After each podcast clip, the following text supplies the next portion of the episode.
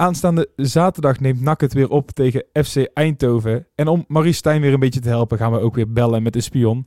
En deze week is dat Roy Stroot. Roy Stroot, welkom. Dankjewel, dankjewel. Uh, Roy, jij uh, bent werkzaam bij FC Eindhoven, maar stiekem, en eigenlijk ja, stiekem is het niet, maar jij bent gewoon een, eigenlijk ook gewoon NAC-fan, hè? Ja, ja, dat klopt. Maar niet echt werkzaam meer, hè. Een beetje vrijwilligerswerk hier en daar. Vrijwilligerswerk hier en daar. Kun je misschien even kort toelichten voor de mensen die luisteren, dat, uh, hoe je bij FC Eindhoven terecht bent gekomen, wat jouw band is met NAC? Gewoon, ja, stel jezelf een beetje voor. Ja, ik ben Roy Stroot. Ik heb uh, vorig jaar in het tweede halfjaar van het seizoen stage gelopen bij uh, FC Eindhoven. In het kader van mijn opleiding spreker sportcommunicatie op de media marketingafdeling van de club. En na mijn stage ben ik daar een beetje blijven hangen als, als vrijwilliger voor het mediateam. Dus op wedstrijddagen doe ik hier en daar nog wat, wat dingetjes. Zoals Twitter, wedstrijdverslag, live verslag via de Instagram stories, dat soort dingetjes. En ja, vanuit huis uit ben ik uh, nachtsupporter. Mijn, uh, mijn vader die werkt in Breda, die werkt bij Trigus Media. Een uh, bedrijf wat, wat werkt voor NAC. Dus zodoende ben ik een beetje bij in het radverleg binnengerold en nooit meer weggegaan. Heel goed, goed, dat is goed om te horen. Ehm, is dat lastig, eigenlijk fan zijn van NAC en dan toch werkzaam zijn bij een andere club? Mm, nee, vind ik niet. Kijk, uiteindelijk vind ik als je werkt voor voor iemand moet je ook gewoon neutraal kunnen durven zijn.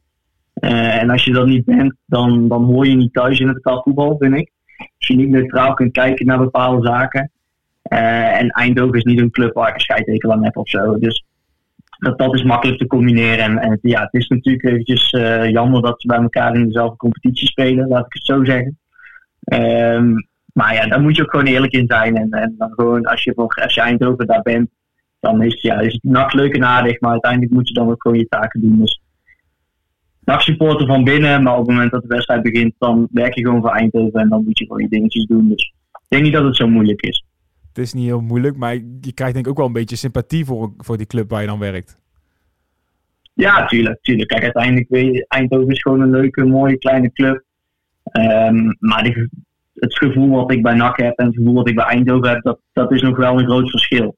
Uh, Eindhoven is wat meer zakelijk uh, en niet echt supportershart uh, liefde, zeg maar.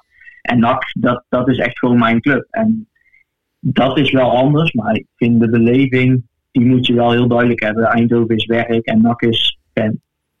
Nee, ik kan ons in ieder geval perfect vertellen op wie we moeten gaan letten en welke duels interessant gaan worden natuurlijk, aangezien je beide ploegen goed kent. Maar om te beginnen, ehm, ja, hoe staat het uh, voor bij Eindhoven? Hoe is de sfeer? Voor mij draait het wel degelijk, hè? Ja, het is eigenlijk een beetje dezelfde start als vorig jaar. Toevallig voor de wedstrijd tegen Topos zag ik een staatje dat we exact hetzelfde aantal wedstrijden gespeeld. Exact hetzelfde aantal doelpunten voor en tegen en exact hetzelfde aantal punten. Dus wat dat betreft gaat het goed. En nu na ons gewonnen staan we ook weer redelijk in de buurt van, uh, van de play-off plekken. Dus ik denk, ja, waar we nu staan, zo rond plek tussen plek 8 en plek 12 is een beetje de plek waar je thuis hoort. En je moet gewoon proberen bij de bovenste van, uh, van de onderste 12, onderste 13 te eindigen. Maar is het uh, voor Eindhoven echt een must om de play-offs te halen? Het is een doelstelling. Ik wil niet zeggen dat het een must is. Um, maar het is alweer vier, vijf jaar geleden dat Eindhoven voor het laatst in de play-offs speelde.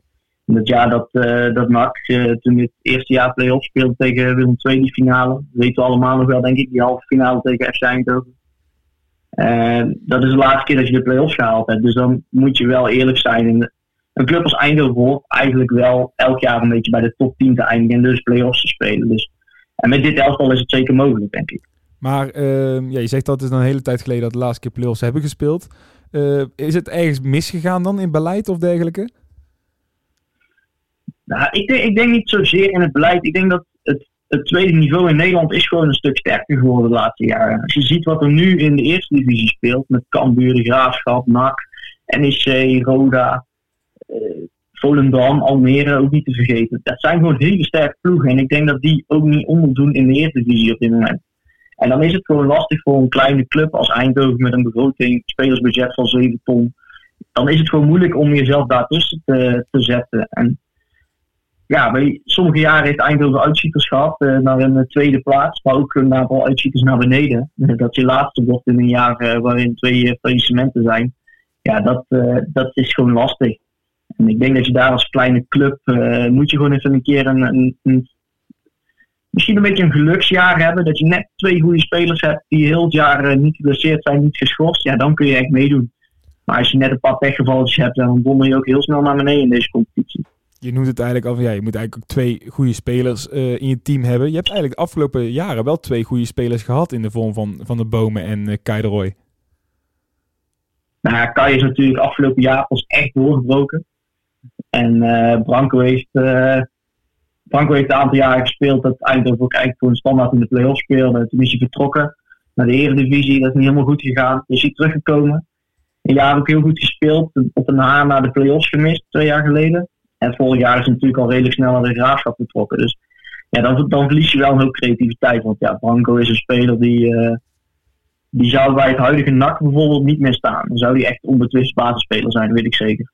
Ja, Kai de Roy uh, is naar NAC inderdaad. Uh, heeft nog niet veel kunnen laten zien bij NAC. Maar gaan we er nog veel plezier aan beleven, Roy? Ja, dat denk ik wel.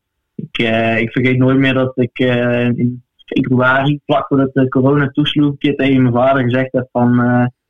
Die, die heeft al contact ook het technisch hart van NAC. En toen een keer voor de grap eigenlijk tegen hem gezegd van... Je moet dus tegen die mensen bij NAC zeggen dat, dat ze Kai de Roy's in de gaten moeten houden. Nou ja, en dan nu is hij die kant in. En ja, ze hebben het wel... Ik wil niet zeggen dat ze dankzij mijn tip daar op hem terecht zijn gekomen. Maar ik vind het wel een heel, heel goede aan, aankoop van NAC.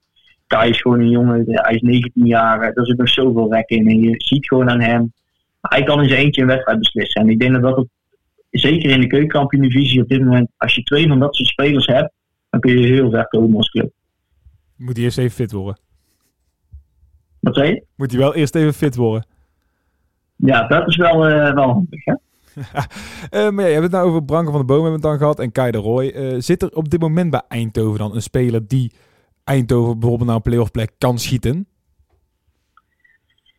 Ja, ik denk dat je twee spelers hebt die echt wel de kwaliteiten daarvoor hebben. Eentje voor en eentje achterin. Ik denk, ja, Joey Slegers, dat spreekt voor zichzelf. Uh, heeft het allemaal op het hoogste niveau net niet gered. Maar in de keukenkampioen-divisie is het altijd gewoon een topspeler geweest. En die is nu weer net fit. Ik denk dat dat voor een club als Eindhoven, Joey Slegers, een, uh, ja, echt een diamant en eentje die je moet koesteren. En ik denk achterin met Mauna aan voor, die ook ervaring heeft op het hoogste niveau in het buitenland. Uh, bij clubs als Dordrecht, uh, Go Ahead, Cambuur. Ja, dat zijn gewoon spelers die je echt moet hebben. En je ziet gewoon op het moment dat aan voor is gekomen, is er echt rust achterin. Er wordt weinig weggegeven. Uh, het is echt een speler die ook voetbal de oplossingen zoekt. Dus niet gewoon de bal pakken en naar voren lossen, maar ook gewoon durft in te spelen, het middenveld op durft te lopen. Ja, en Joey Sleger spreekt voor zichzelf. Dat is eenzelfde soort speler als Kai. Uh, die kan een wedstrijd overbreken. Die kan een wedstrijd beslissen met één actie. Ik weet, ja, ik weet niet of je de wedstrijd tegen Dordrecht gezien hebt. Die goal die hij maakte, vijfde. Ja, dat, dat is echt een, een, een Joey Slegers goal. Met, met gevoel, finesse, zo'n bal afronden. Ja, dat, dat zit er wel in dit Eindhoven, denk ik. Als we dan ook het team van NAC naast leggen. Eh, welk duel uh, kijk je dat meest naar uit? Je weet natuurlijk ook wie bij uh, goed, een beetje goed en wie minder zijn eigenlijk. Welk duel wordt het meest interessant op het veld aanstaande zaterdag? nou, ik denk wel dat er een aantal zijn. Ik denk Sidney van Hooydonk of, of tegen, tegen Arne. Dat, dat worden echt spijkerharde duel, denk ik. Maar ook aan de andere kant van het veld, Jort van der Zanden, een, een lekkere sleurspits die keihard werkt. En daar tegenover dan Riera, Spaanse, Spaanse breker, achterin bij NAC. Ik denk dat dat hele mooie, mooie duels kunnen worden. Wordt het dan ook aanstaan zaterdag echt een vechtduel waarin het echt vooral aankomt op inzet en dat het mooie voetbal, nou ja, dat hebben we sowieso al een paar weken bij NAC niet meer gezien. Bij Eindhoven weet ik, moet, ik, moet ik even, is mij een beetje ontgaan dan, maar wordt het vooral een vechtwedstrijd? Nou, als ik moet afgaan op de laatste twee wedstrijden die ik gezien heb van, uh, van tegen Telstar en van uh, Top Os tegen FC Eindhoven, dan zal het inderdaad best wel een vechtwedstrijd kunnen worden. Uh, het was allebei voetballen niet best, maar wel allebei met minimaal verschil gewonnen. Um, als beide ploegen het opzoeken om meer harder te spelen, kan het inderdaad wel een harde wedstrijd worden. Maar ik zie Eindhoven wel als een ploeg die wil proberen te voetballen, zeker thuis. Uh, ja, dan, dan ligt het een beetje aan hoe NAC gaat spelen. Maar kan natuurlijk in de eerste paar wedstrijden heel erg gefocust op het spel zelf maken. nu de laatste weken valt dat me nog best wel tegen. Eigenlijk sinds die corona is toegeslagen in de selectie. Ja, dat, daar ben ik heel erg benieuwd naar wat, wat NAC eigenlijk op het veld gaat leggen. Ik weet zeker dat Eindhoven in eerste instantie gaat proberen om gewoon te voetballen. Want die zien dit echt als de test. Dan kunnen wij mee bij de bovenste acht. Uh, ja, en dan is het echt de vraag, wat, waar komt NAC mee, uh, mee het veld op straks in de Jan Laurens? Dan, uh, voordat we gaan voorspellen, nog één vraagje. je hebt natuurlijk Ernie Brands als trainer. Zit er nog een beetje rancune bij Ernie om per se deze wedstrijd te willen winnen? Nou, dat weet ik niet.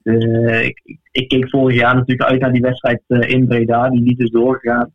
En ik heb Ernie daar wel eens een paar keer over gesproken, maar het, Ernie is nog steeds van mening, tenminste, zo komt het altijd over, dat hij NAC een, heel, een fantastisch mooie club vindt. Ja, dat, het jammer, dat hij jammer vindt op de manier hoe hij is weggegaan. Maar Ernie is niet een persoon die, die haatgevoelens blijft voelen of zo, of revanchegevoelens. Die wil gewoon elke wedstrijd winnen. En die ziet de wedstrijd tegen NAC ook gewoon als een wedstrijd van, van velen en niet als een speciale wedstrijd, denk ik. Ernie wil hem winnen. Uh, ik ga hem erin gooien, Roy, want we hebben een deuntje hiervoor. Eunie wil hem winnen. ik, ben, uh, ik ben er heilig van overtuigd dat Marie Stijn waarschijnlijk ook wil winnen. Maar ja, dan uh, moeten wij het maar gaan voorspellen. Ja, ik denk dat er niemand gaat winnen. Ik denk dat het een leuke wedstrijd wordt. En dat het uiteindelijk uh, net als vorig jaar in 2-2 eindigt. Ja, dan ga ik aan jou ook de doelpuntenmakers vragen. Dan wil ik ze van beide ploegen. Oeh, dan vraag ik me wat. Um, nou, ik denk Hugo Botermans, huurling van ADO, van Eindhoven gaat er eentje maken. En Joey Slegers.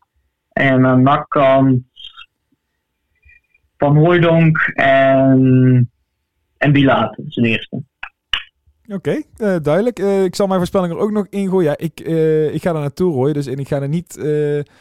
ja, ik ben nog niet heel positief gestemd over NAC. we gaan zo meteen ook de podcast opnemen. Dan zullen mensen tegen de tijd dat deze online komt ook te horen hebben gekregen natuurlijk... dat ik niet heel enthousiast ben tot nu over NAC. Maar omdat ik, ik, zeg, ik ga er zelf naartoe. Dus ik ga daar niet met een negatief gevoel naartoe. Wij winnen daar met 1-2 doelpuntenmakers, Haaien en Azagari gaat erin scoren. Die gaat een baasplaats krijgen aanstaande zaterdag.